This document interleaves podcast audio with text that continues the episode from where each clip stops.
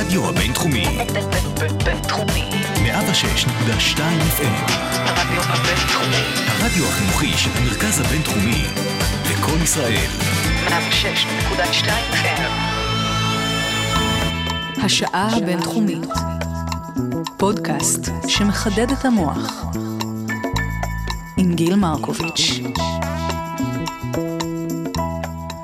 הרדיו הבינתחומי, שלום שלום, עוד שעה אקדמית נפתחת לה בשמחה. אני שמחה להיות כאן, גיל מרקוביץ' כאן באולפן עם דוקטור רונן, רונן קריטנשטיין, מומחה לדיני ירושה ודיני קניין, מבית הספר למשפטים כאן במרכז הבינתחומי, שלום לך. שלום וברכה גם לך. אז אני מאוד שמחה שהגעת, אני אה, אשתף את המאזינים והמאזינות, שלקח לי הרבה זמן בעצם לגרום לך להגיע לפה. אה, ואני אה, שמחה שאנחנו נדון בתחומים שאתה ככה חוקר, כותב עליהם, גם מלמד. כאן במרכז, אה, ואני בכלל אתחיל מהשאלות המובנות מאליהן בשבילי, של אה, למה דווקא משפטים, איך לך, איך אתה התגלגלת למשפטים, ואיך בסוף גם לקניין וירושה. אה, האמת, באמת התגלגלתי לזה. התחלתי בתחומי כלכלה והיסטוריה באמת. בזה התעסקתי, בוודאי כשלמדתי באוניברסיטת בבר אילן, למדתי בהתחלה כלכלה ומדעי היהדות, יותר נכון.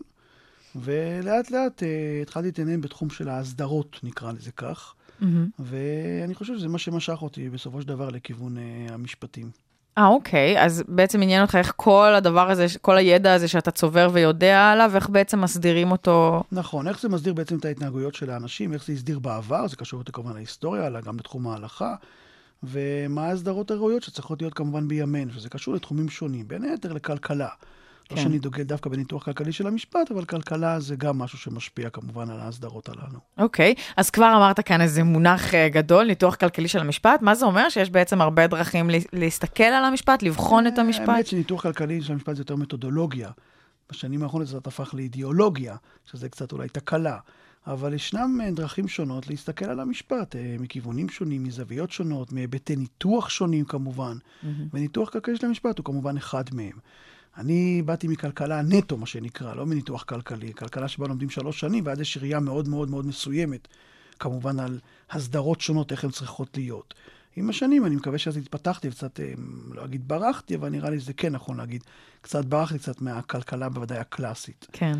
אה, לא, לא עד כדי הביקורת שיש היום על הכלכלה הקלאסית בעקבות משבר 2008, אבל אני מניח שגם אני כבר לא נמצא במקום שבו הייתי בשנות 91-94. אה, ואיך דווקא אקדמיה? זאת אומרת, איך ההחלטה אה, להמשיך לחקור ולבחון ולקרוא ו- ואולי אפילו להנגיש ידע ולא דווקא להתעסק בו מעשית, לקבל החלטות? כי אני חושב שבאמת באקדמיה זה איזשהו סוג מסוים של אה, חיים לימודיים, שאני חושב שבאמת, אני חושב שיהודים הצטיינו בו כל השנים. הם, אה, הרבה מאיתנו מכירים את זה דרך עולם הישיבות, אבל האקדמיה זה איזשהו סוג של באמת של הדבר הזה, שבה יש חבורת לומדים שלומדת כל הזמן, מפרה אחד את השני, ומפרה גם את הסביבה שנמצאת איתה ב... הם ביחסים מסוימים, בין אם זה הקהילה שהייתה בגולה, או בין אם זה המדינה או החברה שבה אתה נמצא. Mm-hmm. זה לא משנה אם זו חברה יהודית, חברה ארה"ב, אנגליה וכולי. ואתה באמת עדיין מרגיש מופרה מהתחום, כן, אתה כבר. כן, אני חושב שכל פעם אני, בוודאי שבתחומים שבהם אני לא מכיר אותם, ואני מגיע לכל מיני סמינרים מחלקתיים, או לפעמים קורא מאמרים בתחומים שהם לא תחומים שלי בכלל, אני מרגיש כאילו, וואו, יש עוד המון המון שאני לא יודע. כן. זה כל הזמן גדל ההמון הזה שאני לא יודע. כן, האמת שלהכיר אה, בנקים שלמים של ידע זה מרגש. כן. אתה מתעסק גם הרבה במשפט העברי, אה, או לא הרבה? אני רואה שאתה ככה... אני, לא מת... אני משתדל להימנע מלהתעסק דווקא במשפט העברי, בוודאי לא במובן המסורתי שלו. מכיוון שאני לא רוצה להיות מזוהה כמשפט עברי, כי אני קצת נראה כמו משפט עברי, זה אי אפשר לראות את זה כעת, אבל אני קצת נראה כמו משפט עברי. ומה ולכן, הבעיה? למה זה לא... אני חושב שאז מלכתחילה תהיה איזושהי הטיה למישהו שכותב במשפט עברי וגם נראה כמו משפט עברי. הבנתי. ולכן לא רציתי להתעסק במשפט עברי, אף שהיו הרבה שנים ניסיונות של אנשים שונים לדחוף אותי לתחום הזה, גם לתחום ההוראה נמנעתי mm-hmm. מללמד את זה. אני מתעסק במשפט עברי רק בתחומים שבהם זה רלוונטי לתחומים האחרים שאני חוקר אותם, כמו mm-hmm. משפט ונורמות, או כמו הסדרות, נניח בעלי היבטים מסוימים, שאני מוצא במשפט העברי איזשהו יתרון, בין אם היתרון הוא בגלל שההסדרה טובה יותר, או בין אם כיתרון שאני יכול להסביר הסדרות אחרות בדין המודרני על ידי המשפט העברי. אז הוא אולי בעצם משמש לך כלפעמים דין השוואתי, ולפעמים גם כמעין מקור ל... כמקור לניתוח ולדיון, אבל רק בסוגיות מאוד מאוד ספציפיות. כלומר, אני לא אתעסק בדיני חוזים במשפט העברי, אבל זה תחום מרתק והרבה מתעסקים בו, בדיני נזיקין במשפט העברי. אני אתעסק בהסדרות ספציפיות שיעזרו לי בתחומים, בתחומי המחקר האחרים שלי. כן. אז בהיבט הזה אני רגע עושה זום אאוט ורוצה בכלל לשאול מה המעמד של המשפט העברי אה, בשיטה הישראלית, והאם זה באמת משהו שמתבקש לעשות כשחוקרים סוגיה ספציפית. אז יש מחלוקות גדולות, גם פוליטיות, לדעתי שזו הצעת חוק עכשיו שרצה שם בכנסת בסוגיה הזאת, אני לא יודע בכלל אם היא התרוממה. המשפט העברי הוא צריך להיות לדעתי במדינת ישראל כאיזשהו מקור, אה, כמו כל מיני, כמו, כמו, כמו כל מיני מקורות אחרים mm-hmm. שקיימים, מקורות נורמטיביים אחרים שאפשר להשתמש בהם. אה, הבעיה של המשפט העברי היום שהוא לא נגיש למרבית האנשים, אין מה לעשות, זה לא תחילת קום המדינה, שבה בעליון ישב אה, פרופסור שמחה אסף, שהיה כמובן תלמיד חכם ואיש משפט עברי. ואחרי זה גם היו שופטים שהיו תלמידי חכמים, זילברג וקיסטר וכדומה. זה היום אני, גם היום אני מניח שיש כאלה שיכולים, אבל זה לא משהו שהוא נגיש כמובן לכולם. כן. כמו שלמשל, אה, יכול להיות שיש הסדרים מאוד מעניינים בדין הגרמני, והם לא בהכרח נגישים לכולם אם הם לא מתורגמים לאנגלית, אין מה לעשות. כן. כן. אוקיי, אז אני uh, בעצם מחזירה אותנו למגרש הביתי שלך, ואני רוצה באמת לשאול uh, ככה למי שלא למד משפטים, לא מגיע מהעולם הזה, מה בכלל נועדו דיני הקניין uh, לעשות? איזה, איזה סוג של הסדרה הם אמורים... דיני הקניין או דיני הירושה באופן כללי? קודם כל קניין, תכף נראה. דיני הקניין אמורים לסדר כמובן את מערכת היחסים שבין פרטים לבין, לבין הנכסים השונים שלהם. אה, אדם שהוא הבעלים של הנכס, המשמעות העיקרית לזה כמובן הרי שהוא הבעלים, וכל שאר כולי עלמא הם אינם הבעלים. כל שאר האנשים מודרים מאיזושהי זכות קניינית, בוודאי זכות של בעלות, לגבי הנכס שהמאן דיו הראשון מוגדר כבעלים. ומכאן דיני הקניין מתפתחים וכמובן מתייחסים לסוגיות רחבות יותר. בישראל יש להם ביטוי כמובן יותר רציני בדיני המקרקעין כמובן. למה זה כמובן? כי עסקת המקרקעין היא העסקה הגדולה ביותר, ודרכה, אני חושב, נבנים מרבית אה, דיני הקניין בישראל. אני לא יודע לגבי שאר העולם, אני מניח שגם שם זה נכון, בישראל mm-hmm. בוודאי זה נכון. לומר שדרך עסקת המקרקעין, לא רק שדיני הקניין, לפעמים גם דיני החוזים. לדעתי, אני לא זוכר מי טען את זה בספרות, שגם דיני החוזים נבנו דרך עסקאות המקרקעין אה, בישראל. Mm, מעניין. כן. אוקיי, אז בהיבטים באמת של ירושה, זה מעין uh, תת-נושא בתוך uh, קניין, או שלא היית מגדיר את זה ככה? אז זהו, פה זה בעייתי, כי דיני הירושה המסורתית היו משויכים במשך שנים לדיני משפחה. למעשה, במשך שנים, היו הקורסים באוניברסיטאות נקראו דיני משפחה וירושה, mm. או דיני אישים וירושה. ואני אמ, לא מתעסק בדיני משפחה בכלל, אבל כן מתעסק בדיני ירושה. כי אני באמת מאמין שדיני הירושה... הם אינם חייבים להיות תחת המטריה, תחת הטייטל, תחת הכותר של אה, דיני המשפחה, ויכול מאוד להיות שאם יגדירו אותם כאיזשהו סאב טייטל, הטייטל של דיני משפחה, זה רק עושה להם נזק. Mm-hmm. אני חושב שדיני ירושה צריכים להיבחן באופן עצמאי, עם זיקה מסוימת כמובן לדיני הקניין. כן. כי הם בעצם באים להתעסק בחלוקת, בהסדרת הרכוש של הפרט, הם לאחר מותו. גם זה לא כל כך מדויק, כי בעצם צריך להכניס גם את עניין המתנות פה, אבל ככלל זה אמורים להסדיר את חלוקת הרכוש של הפרט לאחר מותו. ונכון שיש כאן רלוונטיות לפעמים לעניין המשפחתי. לעתים הרלוונטיות עושה, כמו שאני גם הראיתי במאמרים שלי, עושה גם קצת אה, איזשהו נזק במרכאות. אז אני דווקא, ההסדרה. דווקא כן. אשמח לשמוע על זה. היית, היית אולי אפילו מבטל את הקשר לחלוטין, כדי ששום uh, סיכוי לנזק כזה יתקיים? אני חושב שדווקא הדין הישראלי הם, uh, כן מבין את זה טוב. אני לא זוכר באיזה, באיזה מאמר הראיתי את זה, אבל הראיתי שב... לא אני הראיתי, אני בעצם הבאתי את הספרות האמריקאית, mm. שטוענת שישנו שימוש לא נכון באחת הדוקטרינות המאוד ידועות בדיני ירושה, שנקראת השפעה בלתי הוגנת. והשימוש גורם לכך שהרבה מאוד פעמים צוואות אשר מיועדות לזרים, זרים במרכאות, כי בדרך כלל אדם שהוא מוריש ירושה, הוא לא מוריש אותה לאדם זר. או שהוא מוריש אותה למשפחה, mm-hmm. אם הוא מוריש אותה למישהו שהוא אינו בן משפחה, שכן, ידיד, קרוב, הוא לא באמת זר לו. כן. הזר במובן שהוא לא בן משפחה. Mm-hmm. צוואות שמיועדות לזרים, בדין האמריקאי, הספרות האמריקאית הראתה, והראתה את זה במספר מדינות, ש... בתי המשפט ממהרים לבטל צוואות כגון אלו, ואז ביטול הצוואה מביא למעשה לכך שכל הרכוש עובר כמובן ליורשים על פי דין, שהם כמובן בדרך כלל בני המשפחה. כן. והטענה של הספרות האמריקאית, שבזה הדין האמריקאי מבקש לבטא נורמה חברתית שאולי הוא מאמין בה, סולידריות משפחתית וכדומה, אבל זה לא בהכרח מבטא את חופש הציווי של המצווה. כן, הרצון של, אה, של המת. הרצון האמיתי, נכון. Mm-hmm. שזה טענה שעולה בספרות האמריקאית בצורה מאוד מאוד חזקה, שבעצם הדין האמריקאי נופל למה שאני קורא מלכודת המשפחתיות. אני במאמר שפרסמתי בספר מצה, הראיתי שהדין הישראלי לא נופל למלכודת הזאת, ובאמת בוחן את הצוואה כפי שצריך לבחון אותה, לפי אמות המידה הרלוונטיות, דרישות צורניות, האם יש טענות אה, כנגד הצוואה, טענות של פגם ברצון וכדומה, וכאשר הוא משתכנע, אז הצוואה כשרה, וגם אם הצוואה נותנת לזר, ובאופן טבעי היא נותנת לזר, עוד פעם, הזר במרכאות כמובן, כן. ומדירה את בן המשפחה, נו, אז זאת באמת התוצאה. לפעמים זו תוצאה שהיא נראית באמת אה, לא כל כך בסדר, אולי מבחינה מוסרית או חברתית. מה זה, אדם מוריש את הכל אה, לחברה שהייתה לו בשנתיים האחרונות והדיר את כל ילדיו, אבל זה היה רצונו, מה לעשות? כן. ובאמת צריך לכבד את זה. אוקיי, זה באמת מעלה, זה, זה היה מעולה עכשיו, כי אנחנו יכולים לראות די בקלות איך המשפט בעצם מתעסק בערכים, בנורמות, בלאן אנחנו רוצים לכוון, אולי אפילו לחנך אה, את הציבור, או פשוט להסדיר, יש פה הרבה מאוד אה, סוגיות שכבר עלו בעשר דקות הראשונות שאנחנו יושבים באולפן, אז זה נהדר. אה, אתה בחרת כמה שירים שנשמיע במהלך התוכנית, אני רוצה שנשמיע את הראשון מביניהם, ואחר כך ככה נצלול יותר עמוק באמת בתוך אה, דיני הירושה. אז אה, הראשון הוא חניה, נכון? אה, אתה רוצה להגיד למה בחרת? יש לך איזה שהם אה, סנטימנטים מיוחדים? לא, זה שיר שאני מאוד אוהב אותו, זה שיר של נתן אלתרמן, שיר קשה, מאוד לא, לא ברור בשפה שלו. לדעתי בשיר לא, כמובן לא שומעים את כל השיר, השיר המושר הוא לא כל השיר הנכתב על הכתוב. ידי אלתרמן, מהמם. כן. והוא גם שיר שלדעתי גם תמיד טענו שגם היה קשה מאוד להלחנה, אבל הוא שיר שיש לו מאוד חשיבות, הוא מדבר על המחנה שנמצא ערב הקרב, על כל מה שקורה שם בקרב המחנה עצמו, על ההתכוננות עצמה. שיר אה, מאוד מאוד לדעתי מעומק. אז הנה, חן, ליל חניה.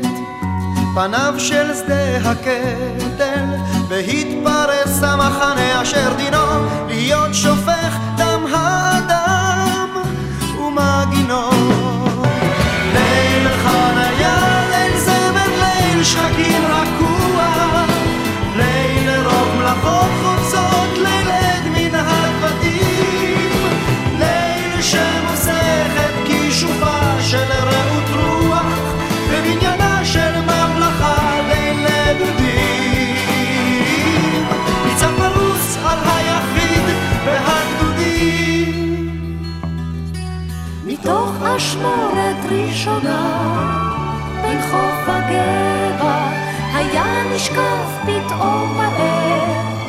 המלחמה, כמו הוואי צוער, חבור יתד וחבל, בוחר אותם של מסעות וחירומה, בו הכלים והחוקות בעירומם.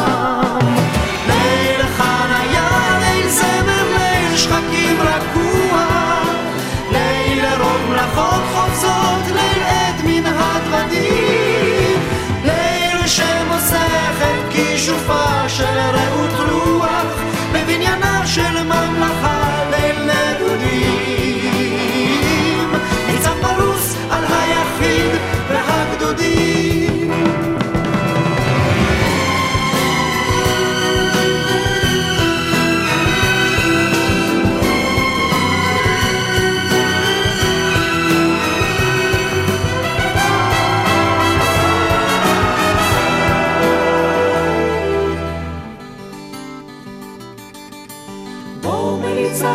סיסמות הזמן, אשר לא פרק, שירה צרופה בל יעסוק, חלילה לא.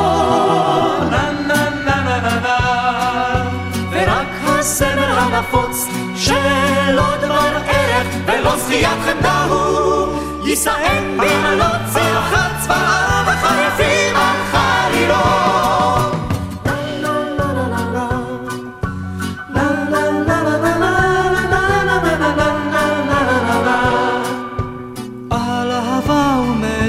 עובר, בה הוא פותח, ועל חובה הוא קרב בעול, הכל בכל, אין הוא אומר את זאת, בכל דקויותיה של השירה, אבל אומר בקול גדול, בלי מורך לב ובלי חשש, מפני הזול. ליל חניה, ליל זמר, ליל שחקים רגוע מלאכות חוצות, ליל עת מנהג בדים, ליל של מסכת כישופה של רעות רוח, בבניינה של ממלכה ליל נדודים, ניצב פרוס על היחיד והגדודים.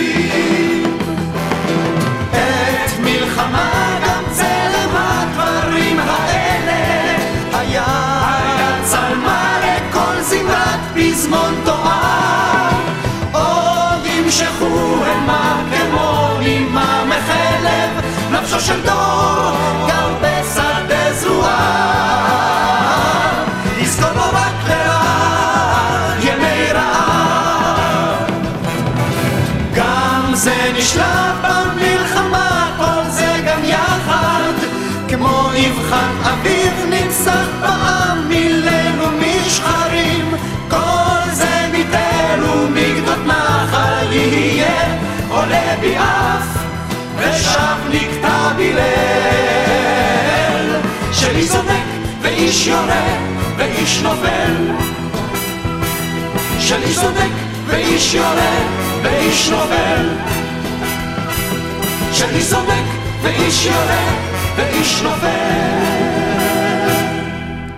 יש שירים שאם לא עוצרים יום אחד ומקשיבים ממש למילים, נשמע לך שהלחן סבבה והשיר משמח או משהו כזה, ואז אתה פשוט קולט את, הדיסו, את הפער בין המילים ללחן. צריך- את השיר הזה צריך לשמוע עם המילים לפניך, בפעם הראשונה בוודאי. כן, כן, ממש, אבל זה באמת אחלה ביצוע. חנן יובל, אפרים שמיר, ירדנה ארזי, שלישיית אף אוזן גרון.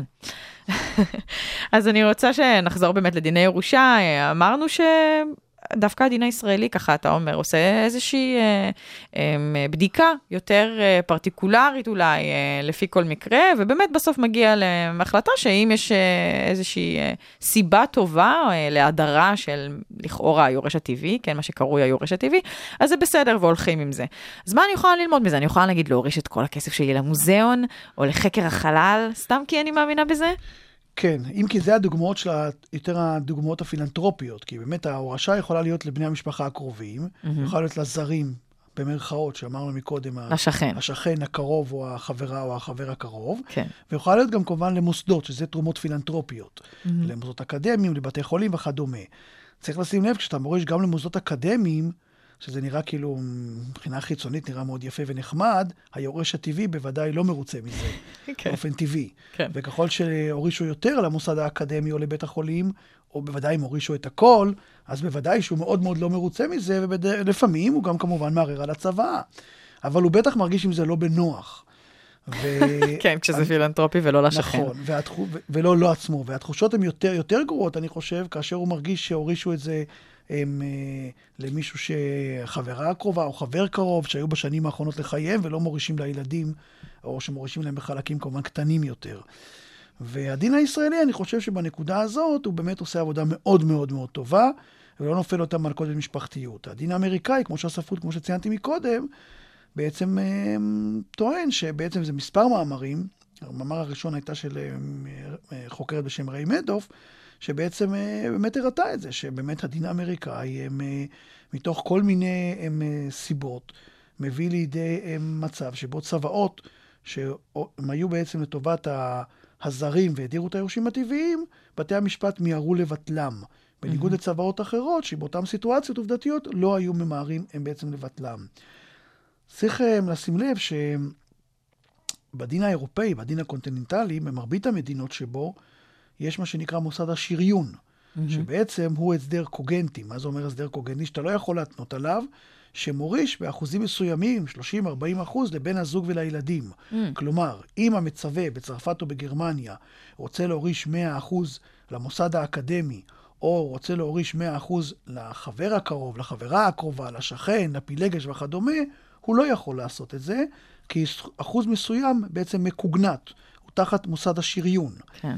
הדין האמריקאי בחר שלא לעשות זאת, גם הישראלי בחר שלא לעשות זאת, ובעצם הם בחרו, שניהם, לתת 100% חופש ציווי למצווה, ולא, שום אחוזים לא משוריינים לטובת בן הזוג או הילדים. מה במ- המקור הזה? כאילו, באמריקאי, דרך אגב, כן. צריך להגיד שלמעט מדינה אחת, לואוזיאנה, כי היא אה. מושפעת מהקודקס, מהקודקס הצרפתי. אה, אז שם יש שריון? שם יש שריון, Mm, כן. נחמד.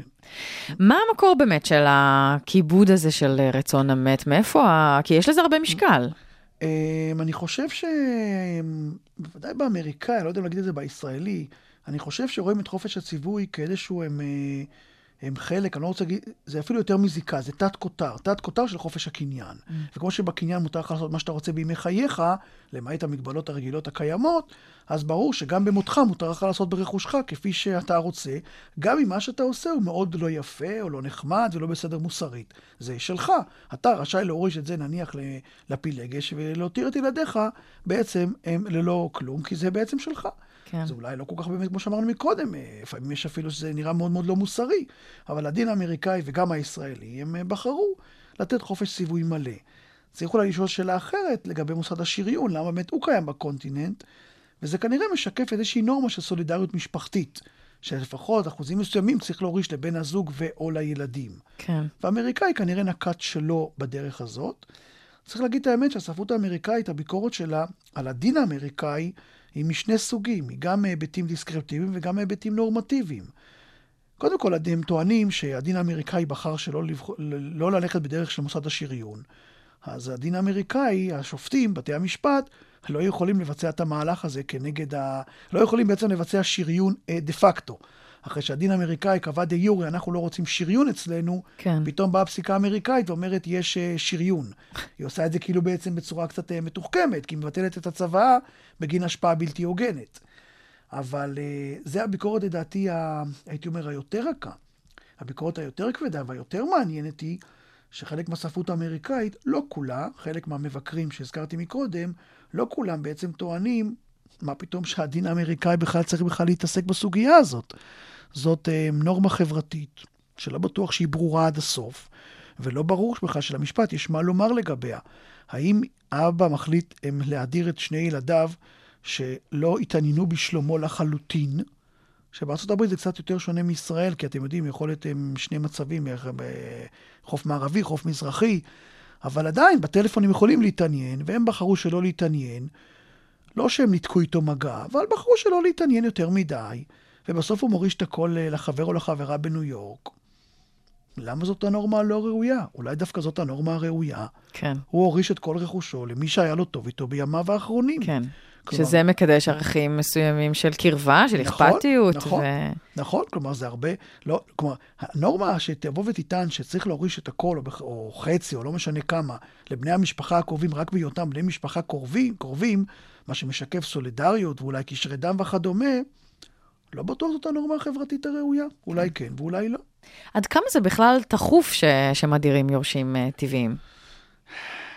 בוא נגיד כך, זה, יש פסיקות לא מעטות, אבל צריך לזכור שאנחנו רואים תמיד בפסיקות רק את הפתולוגיה. אנחנו לא רואים את המצבים שבהם לא מגיעים לבית משפט. כן. אז יכול מאוד להיות שהרבה מאוד מצבים שהדירו יורשים טבעיים, או באופן מלא או באופן חלקי, מהמם. והם בחרו שלא ללכת לבית משפט, ואנחנו לא יודעים את זה בכלל. כן. כי אנחנו לא רואים, אנחנו רואים רק את הפתולוגיה. אני די מאמין שאנשים שמדירים אותם באופן מלא, וההדרה בוודאי לא הייתה ידועה לפני כן, לא הייתה צפויה, אני די מאמין שהם בטח בוודאי מנסים איזשהו לבחון דרך משפטית. מהמם.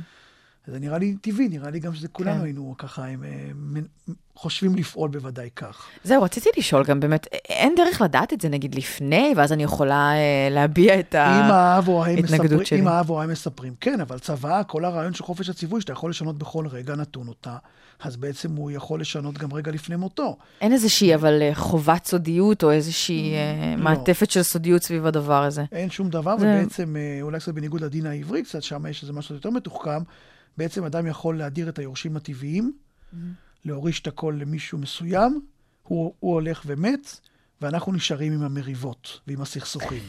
כן. יכול להיות דבר עוד יותר, לא יודע אם יותר גרוע, שבו בעצם הוא הם, לא מדיר את היורשים הטבעיים לטובת הזרים, אלא מדיר ילד אחד אוי, על פני הילד האחר. גם זה קורה. זה קורה אומר. הרבה. ואז מה שקורה, הוא מת, ואנחנו נשארים עם הסכסוכים ועם המריבות אוי כמובן. ואבוי, זה ממש לא הוריש אה, ריב, מריבה. נכון, הוא מנציח את המריבה. הרבה מאוד פעמים רואים את זה בפסיקה. גם פסיקה ישראלית לפעמים מתייחסת, יש פסק דין ידוע, קלפה נגד גולד, בית המשפט מתייחס לזה. שהוא הולך מפה והמריבות נשארות איתנו. עכשיו, מה זה נשארות איתנו? זה לא בגלל שזה עלות לבית משפט. האחים או האחיות אה, ממשיכים הלאה כמובן לריב, כן. אין מה לעשות. ובית המשפט יכול בסיטואציות כאלה שהן כן משפחתיות, נכון שזה עדיין, אתה אומר, אה, קשור לדיני הירושה והקניין, אבל הן בהחלט משפטיות, הוא יכול נגיד אה, להיות, יות- להשתמש יותר בכלים של, ה, של דיני משפחה ולהמליץ על כל מיני תהליכים אחרים של גישור, של... הוא, הוא יכול, אבל בסופו של דבר, בקלפה נגד גולד רואים את זה יפה. בית המשפט מבין שהתוצאה צריכה להיות כנראה אחרת, אבל אין ברירה, יש צבא, וצריך לקיים את הצבא, אין מה לעשות. שואו. טוב, אנחנו נשמע שיר נוסף, אה, הפעם זה הללויה של ליאונרד כהן, שכבר אה, עזב. אז אנחנו נשמע את השיר הנפלא הזה, אה, ונחזור אחר כך. I've heard there was a secret chord that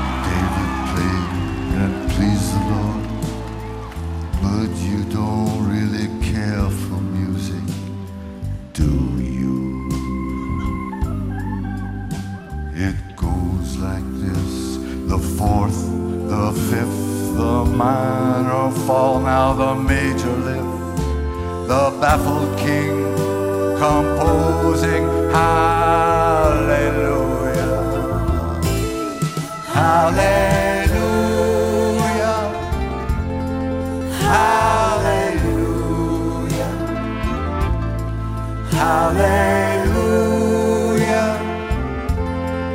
Hallelujah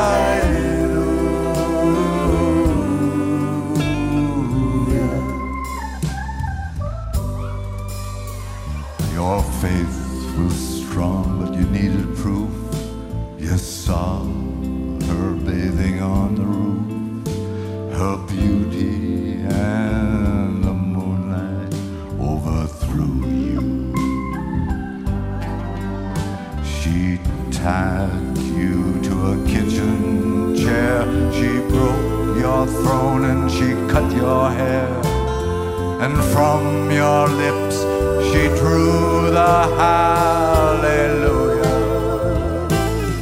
Hallelujah.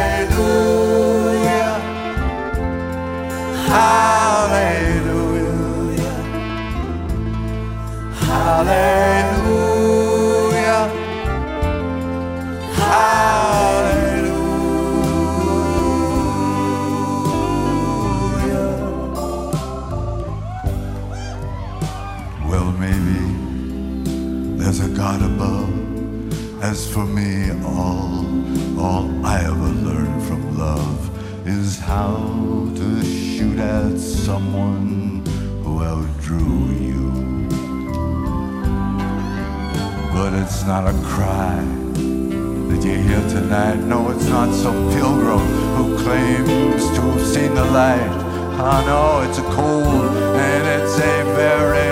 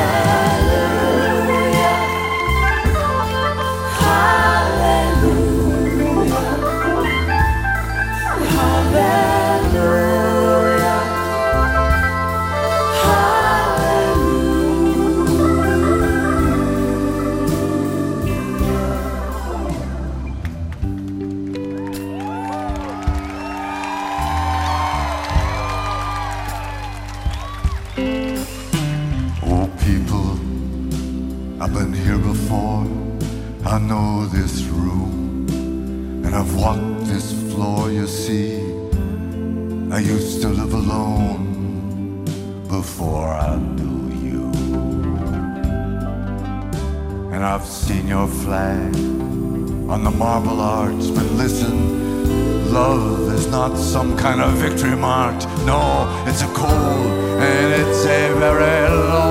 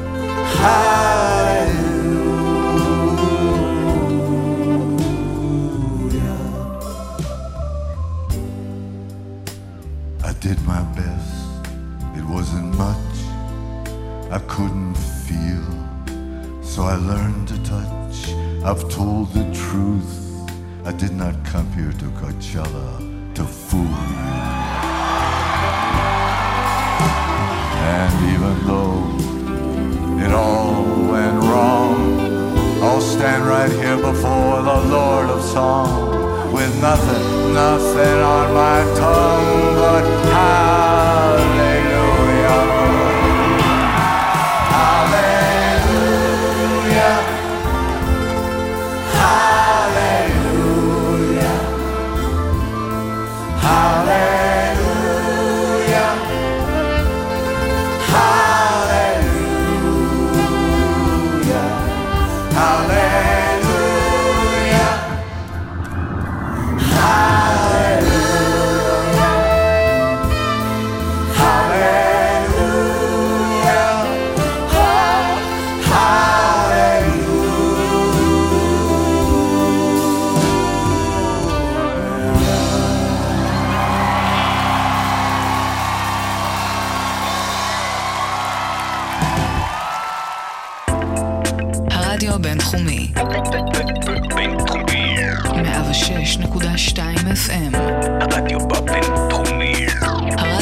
החינוכי של המרכז הבינתחומי וקול ישראל. 106.2 FM. בואו להיות שומעים חופשיים בשעה הבינתחומית. כל הפרקים ב iTunes ובאתר. אז אנחנו כבר ארבע דקות אחרי מחצית השעה, דוקטור רונן קריטנשטיין איתי באולפן, אנחנו משוחחים על דיני ירושה, ואני רוצה לשאול ככה, לפני שנגיע לדין העברי ונראה באמת מה, איזה אסכולות יש שם, ויש הרבה, אני רוצה ש, לשאול אותך, יש איזה משפט, אה, לא משפט, מבחן כזה, במשפטים בכלל, אה, האדם הסביר. אז כאן אה, מדברים גם על המוריש הסביר.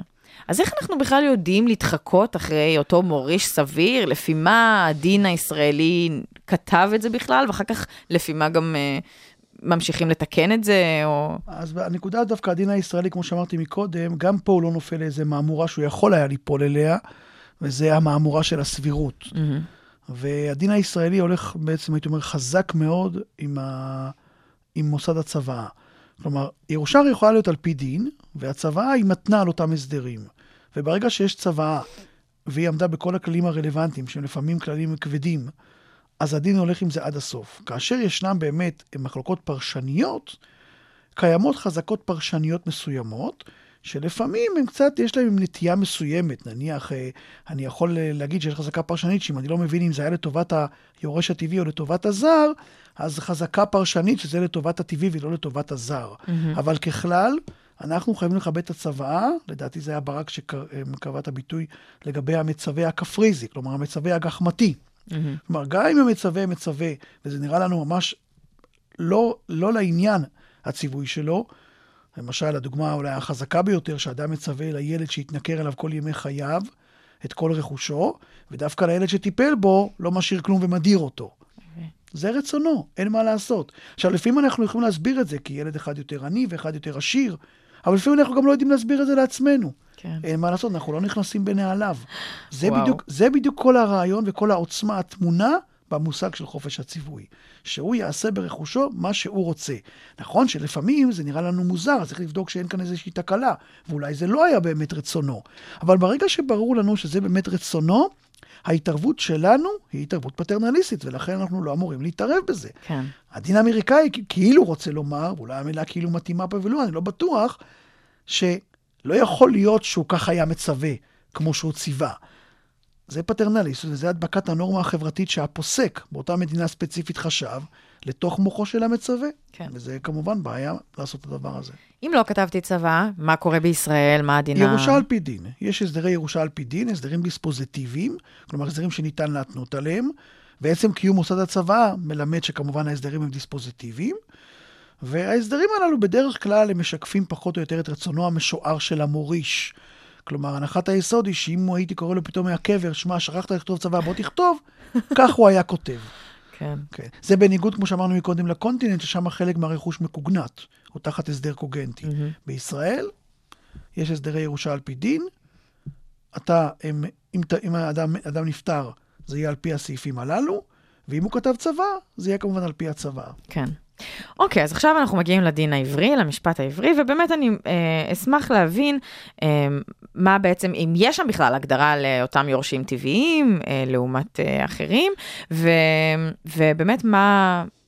מה, על מה דיברו שם? האם להדיר זה בסדר, לא בסדר? אז הדין העברי בנקודה הזאת, ולכן אני השתמשתי בו, כי כמו שאמרתי מקודם, אני לא חוקר בדין העברי, לא חוקר משפט עברי קלאסי. בעצם אה, ביצע מהלך שלדעתי, אני רואה אותו מהלך כמהלך האופטימלי. המהלך הזה בעצם מבין שכאשר אני רואה הדרה של יורשים טבעיים, זה משהו שהוא לא טבעי. וצריך להבין מה קרה שם. עכשיו, היינו מצפים מדין עברי, בהיותו דין דתי כמובן, שהוא יהיה שמרני מאוד, ואם אנחנו רואים ש... ישנה אפשרות להורשה, בואו נלך למקרה שהוא יהיה אולי הכי בעייתי לדין הדתי, הורשה לפילגש על חשבון האישה והילדים, mm-hmm. היינו מצפים שהדין העברי ימנע את זה בכל מחיר. אז זה לא כך, מכיוון שהדין העברי, אמנם יש קונסוגיות מסוימות איך לעשות את זה, למשל בלשון מתנה ולא בלשון ירושה, אבל ככלל הדין העברי מאפשר לך להדיר. אתה יכול להדיר את הילדים שלך, ומה שאומר על זה הדין העברי, שאין רוח חכמים נוחה הימנו. כלומר, זה לא בסדר כל כך שאתה הדרת, אבל מבחינה קניינית, המעשה כמובן יתפוס. מעין נזיפה כזו. מעין אה... נזיפה כזאת, כן, ארטילאית כזאת, לא בדיוק גם מי נוזף. מין כן. איזה נזיפה כזאת שקיימת. וגם מי ננזף. ומי ננזף, כן. כי הוא כבר לא פה איתנו. בדיוק. אז מין איזה משהו ככה שנמצא ככה באוויר, את זה אומרת המשנה בבבא בתרא. דרך אגב, ישנה גישה שחולקת עליה. שאומרת זה לא בסדר, אבל הגישה ננקטת להלכה. שהוא באמת יכול להדיר מבחינה קניינית, ו... ומה שהוא עשה זה בעצם אה, כמובן לתפוס, ורק אין רוח חכמים אה, נוחה עמנו. כן. המחלוקת שהזכרתי, זה לא היה מדויק, המחלוקת שכאן במשנה היא לגבי את מי אתה מדיר. כי אם אתה מדיר ילדים מתנכרים, אז אני יכול לחשוב שאולי זה דבר ראוי. כן. אז הדעה להלכה היא שזה גם כן לא ראוי. אין רוח חכמים נוחה עמנו, אבל המעשה יתפוס. והגישה האחרת בהלכה אומרת, אם הוא הדיר ילדים מתנכרים, זה זכור לטוב. אבל בכל מקרה, מה שאנחנו רואים זה שההלכה מבינה דבר מאוד מעניין. ההדרה מבחינה קניינית כמובן תתפוס. הנכסים ילכו למי שאתה ביקשת שהם ילכו, לפי חופש הציווי שלך.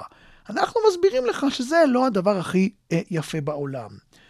אבל ההלכה היא לא, היא לא רק המשנה כמובן, והיא כמובן אה, ממשיכה הלאה ומתפתחת כמובן בהמשך. ואז אנחנו רואים כל מיני דברים מעניינים. אנחנו רואים שההלכה הם, לא מוכנה בשום מחיר לפגוע בחופש הציווי מבחינה קניינית, אבל כן רוצה לגרום לכך שאתה תבין שזה לא הכי בסדר מה שאתה בעצם עושה. בטח אם אתה מדיר ילדים שהם אה, ילדים ראויים, וגם אם אתה מדיר ילדים מתנכרים זה לא הכי בסדר, אבל אנחנו לא נתערב לך קניינית. כן. ואז היא מבצעת כל מיני מהלכים, שאני קראתי להם במאמר, שהיא בעצם מייצרת עלויות על המדיר. כלומר, המוריש שרוצה להדיר, צריך לשאת בעלויות. מה, אבל אנחנו מודעים לדבר הזה כשאנחנו כותבים או, אז את ב- הצבא? אז בדין המודרני לא. וזה מה. שקורה. בדין המודרני הוא כותב צוואה, הוא הדיר את הילדים לטובת נניח הפילגש, הוא הדיר ילד לטובת ילד אחר, הלך לעולמו, והשאיר אותנו פה עם המריבות. הדין העברי לא אוהב את זה. הדין העברי אומר, אתה רוצה להדיר? תדיר. אני לא אתערב לך במעשה הקנייני, אבל אני מטיל עליך כל מיני פעולות משפטיות שיגרמו לכך שכבר בחייך ידעו שאתה הולך להדיר. מה? איך? איזה? אני תכף אסביר את זה, אבל הרעיון המרכזי בזה פה הוא לגרום לכך שהמדיר יישא בעלויות הבחירה שלו בחייו. אז יש פה לחלוטין איזשהו חינוך לאורך ממש, זמן. ממש. יש כאן איזושהי הכוונת התנהגות שאומרת לו, תשמע, אם אתה שלם עם עצמך שאתה רוצה להדיר את הילדים, לך עם זה. אבל אל תלך עם זה לעולם הבא, ותשאיר אותנו כאן עם המריבות. וככה ההלכה מייצרת כל מיני פעולות משפטיות שהיא דורשת. למשל, ההלכה אומרת, וזה כבר בזמן הגמרא, היא אומרת שלעדים מסוימים, לעדים כאילו שצריכים להיות על הצבא, אומרת לאנשים, "אה, עדיף שלא תהיו עדים במעשה צוואה כזה. מה זה אומר? הרי אני- אם נניח בא אומר לי, בוא תהיה עד שנייה, אני, אין לי זמן, אני עסוק. אני עושה לאיזושהי טובה מסוימת. אז אנשים עושים טובה לאנשים אחרים, והם מסייעים להם בכל מיני פעולות שמבקשים מהם שיהיו עדים. אומרת ההלכה, אם אתה אמור להיות עד בצוואה שהיא מדירה את הילדים, עדיף שלא תהיה בזה. אז בתור עדה, אני רואה את הצבא לפני, או שפשוט אומרים לי, לא, את רואה את הצבא. כשאת כותבת, תדעי שיהיה לך אה, קשה... לא, מה שקורה זה שהמורה שלך כותב צבא שמדירה מדירה את הילדים. עכשיו הוא הולך לסופר, הסופר אומר לו, תשמע, תביא עדים. הבנתי. עכשיו הוא מביא עדים. עכשיו, העד הזה יודע שהגמרא כבר אמרה לו, תשמע, אתה, זה מותר, אבל אתה אל תהיה בזה, שהוא יחפש אחרים. כן. עכשיו הוא צריך להתחיל לחפש עדים, זה עולה לוקח לו זמן, וגם עוד אנשים יודעים על זה בשכונה. זה לא דבר סימפטי. עכשיו, ההלכה לא מסתפקת בזה. והיא מצאה- שיימינג. שיימינג. מין איזשהו שיימינג שהוא יספוג אותו בחייו, כן, לא כן, במותו. בחייו, כי נו. במותו אין עלויות, הוא לא פה כבר. ואז ההלכה מוסיפה על זה עוד נדבך, והיא אומרת, צריך סופר לצבא. זאת אומרת, לסופר עדיף שלא, אתה עושה עבודות, את זה עדיף שלא תעשה. היא לא אומרת לו את זה על גיטין, היא לא אומרת לו את זה על דברים אחרים, היא אומרת לו את זה על זה. עכשיו, מה קורה למורה? שהוא מגיע לסופר הראשון. אם יש לו מספיק עבודה, והוא רואה את הצבא המדיר, אומר לו, תשמע, אני, הוא בטח לא אומר לו את האמת, אז הוא אומר לו, אני עסוק היום, אין לי זמן לזה, אז הוא צריך לחפש סופר אחר. עכשיו הוא מתחיל לכתת רגליו, זה עולה לו יותר זמן, זה עולה לו יותר כסף, זה וגם עצבים. הכי חשוב, בירוקרטיה. כולם יודעים. כן. מתחילים לאט, לאט, לאט, עוד ועוד אנשים לדעת, ינקל מסתובב פה בקהילה, הוא מחפש סופר בשביל צוואה. למה הוא לא מוצא? כי כנראה הצבא מדירה אנשים. עכשיו, מה שההלכה רוצה לעשות, מה שהדין המודרני לא עושה, היא מנסה לייצר את העלויות ההדרה, להפנים. מה שאנחנו קוראים בניתוח כלכלי, הוא מפנימה את העלויות על המדיר. המדיר מבקש לבצע פעולה שהיא לא השגרתית, היא מושלם איתה כי הילדים שלו מתנכרים, או כי סתם הוא לא רוצה להוריש לילדים ורוצה להוריש את זה לבית חולים, אין בעיה, לך עם זה. אבל את העלויות, אתה תספוג עוד בחייך. אני חושב שהמעשה ה... אולי הדרמטי ביותר מבחינת ההלכה, שאומנם לא מופיע בכל השו"תים השונים, אלא רק בחלק מהם, שבהם כתוב שאם יש צבא שהיא צבא מדירה, הסופר צריך לקרוא לחכם שבעיר, הוא צריך לבוא למ- למשרד שלו, של הסופר, ובעצם להגיד. להגיד למדיר, שמע ידידי, זה לא בסדר מה שאתה עושה. כלומר, לתת לו תוכחה. האם אתה רוצה עדיין לעשות את זה? ואז הוא אומר כן, וכותבים את זה בצבא. כלומר, בצבא כתוב, קראנו והוכיחו אותו, וכך הוא, והוא החליט בכל לעשות. זאת החליט. החליט לעשות. ואם אין את זה, הצבא יוכל להיות בטלה. איי איי איי, טוב, זה ממש מעניין, אני תכף אשאל אותך אחרי שנשמע עוד שיר, אם למדנו מזה משהו, אם אפשר בכלל היום ליישם את זה בדין המודרני, אז אנחנו תכף ננסה לדבר על זה, אנחנו נשמע את עלה קטן של אברהם פריד.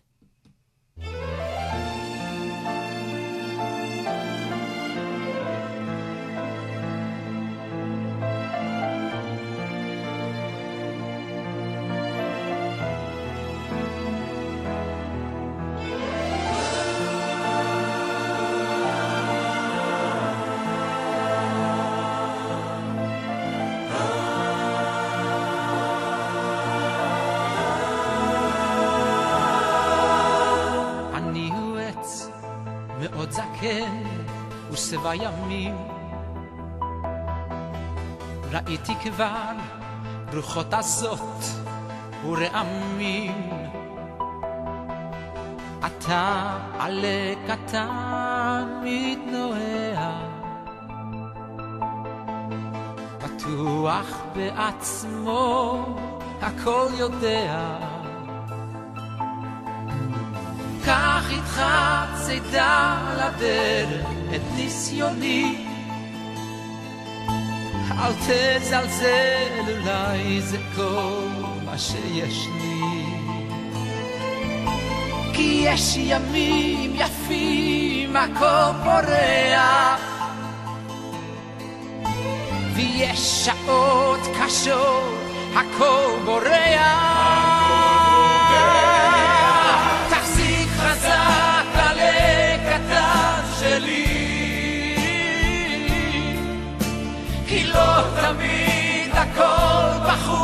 בהיר.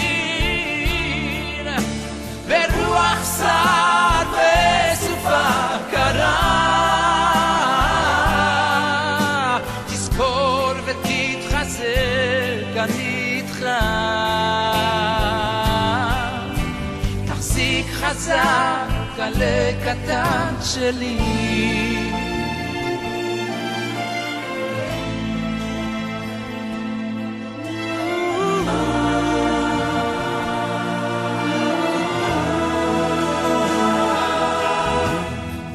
תמיד הכל נכון, הכל מובן. חיים זה לא שיעור חשבון, זה גם מבחן. עכשיו עלה קטן, הכל רגוע. אך מרחוק אולי ענן מגיע. איתך צידה לדרך את ברכתי, ברכתי. חצי הכוס היא מלאה, תזכור תמיד. וכשהשמש אל הים שוקעת, אל תדאג, אל תדאג, מחר היא שוב זורחת.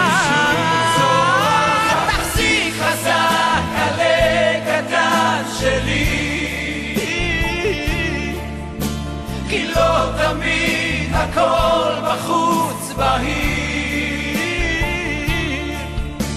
ברוח סער וסופה קרה. תזכור ותתחזק, אני איתך. תחזיק חזק, עלה קטן שלי.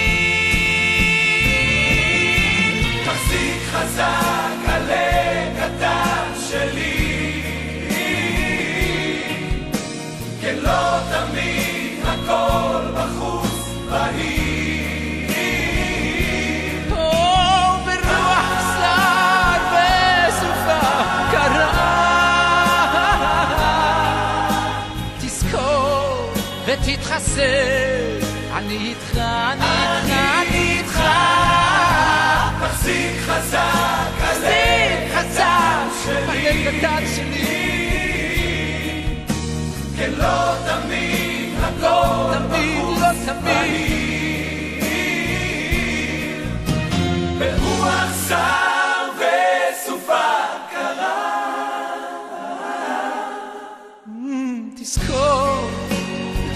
תתחזק, אני איתך. אני איתך. תחזיק חזק, עלה קטן שלי.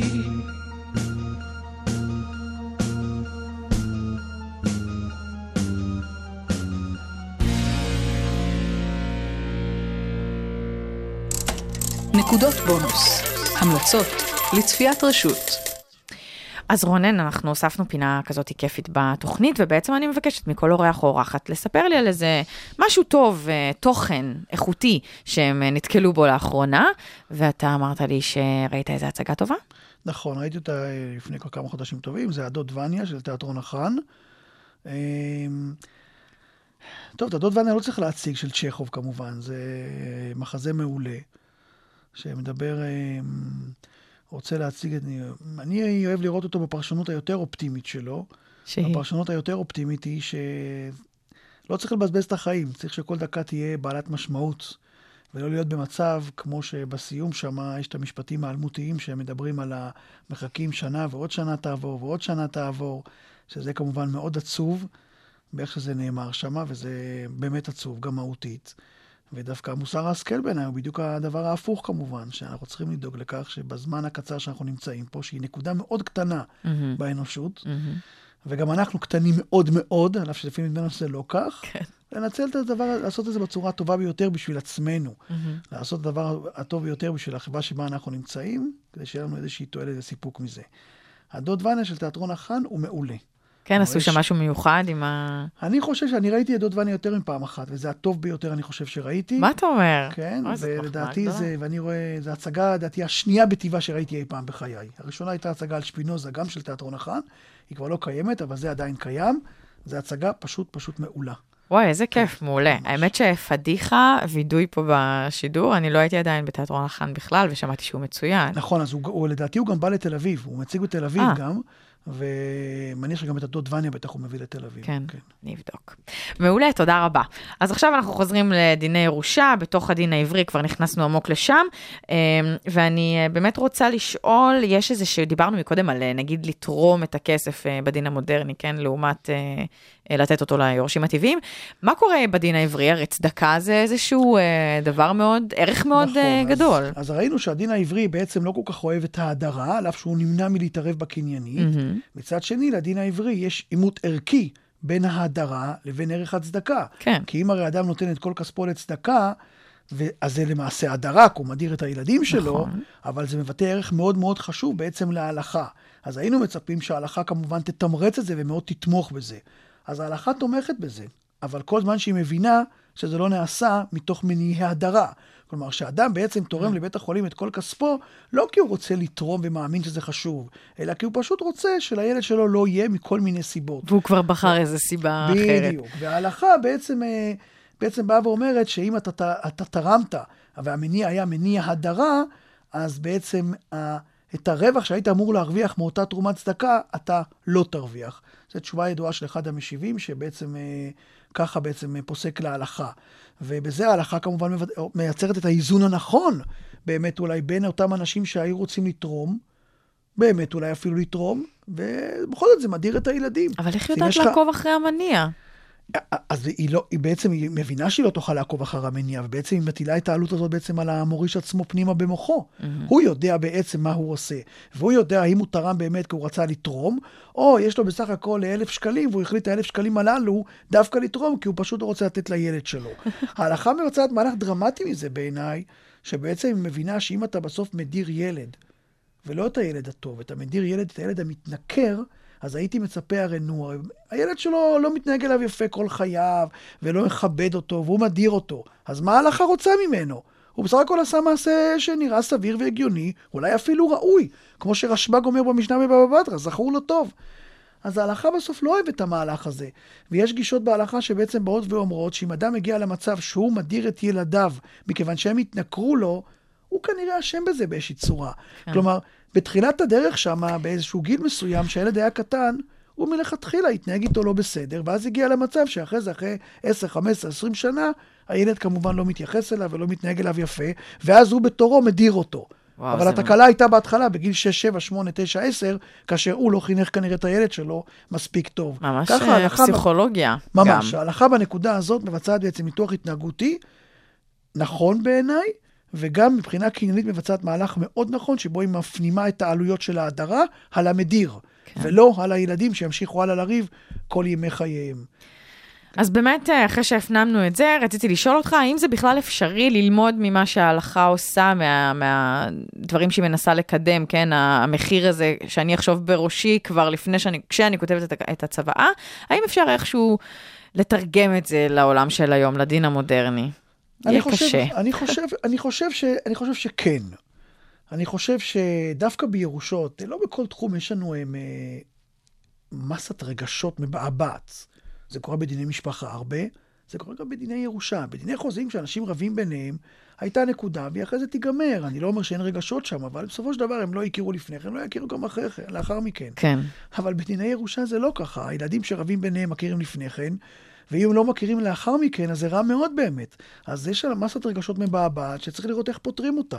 עכשיו, אם אנחנו מבינים שמצבים שבהם רבים פחות הם יותר טובים מצבים שבהם רבים יותר, אז אני חושב שההלכה עובדת נכון. אני חושב שההלכה באה ואומרת למדיר, שמע, אתה תחשוב טוב, כי הכל נופל עליך. כל העלויות, א', זה ידעו את זה לפני שאתה מת, וגם יבינו שעשית מעשה לא בסדר, אם אתה באמת מדיר בלי שום סיבה טובה ואמיתית, ובלי שום סיבה שאתה רוצה לתרום לצדקה וכדומה. ואני חושב שמוריש מדיר בנקודה הזאת, אני חושב שיחשוב יותר טוב לפני שהוא מבצע פעולה שכזאת. הגם שעוד פעם, כמו שאמרתי מקודם, ההלכה מאפשרת לו להדיר. כן. אם בסוף בסוף הוא ירצה להדיר, הוא יכול להדיר. את זה. כן, היא תכבד את זה, בדיוק. כן. אני רוצה להודות לך על השעה האחרונה, דוקטור רונן קריטנשטיין, מומחה לדיני ירושה ודיני קניין מבית הספר למשפטים כאן במרכז הבינתחומי. היה לי uh, כיף גדול לארח אותך, ואני מקווה שתחזור עכשיו כשאתה, איך אתה הגדרת, עבד משוחרר. כן, תודה רבה, גם לי היה מאוד, מאוד מעניין, מאוד נחמד. אנחנו uh, נסיים עם My Way של פרנק סינטרה, uh, שזה השיר האחרון שבעצם בחרנו, בחרת, אתה, להשמיע בתוכנית. אני אומר שכל הפרקים זמינים ב iTunes ובאפליקציות של אנדרואיד, של audio on demand, פודקאסטים, אז תוכלו לה, להאזין לזה תמיד. תודה רבה. My friend, I'll say it clear. I'll state my case, of which I'm certain. I've lived a life that's full. I traveled each and every highway and more, much more than this. I did it my way. Regrets, I've had a few, but then again, too few to mention. I did what I had to do, saw it through without exemption.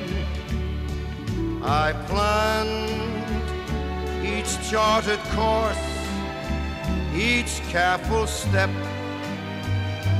along the byway,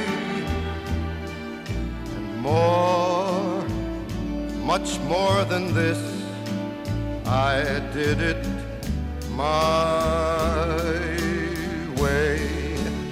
Yes, there were times I'm sure you knew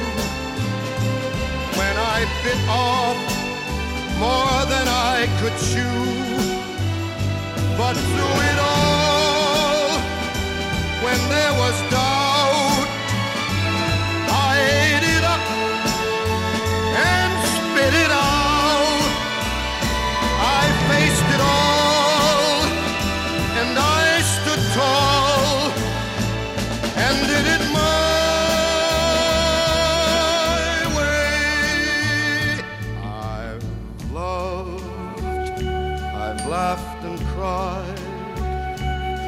had my fill, my share of losing, and now as tears subside, I find it all so amusing to think I did all that, and may I say, not in a shy way. Oh no, oh no, not me. I did it my way. For what is a man? What has he got? If not himself, then he has not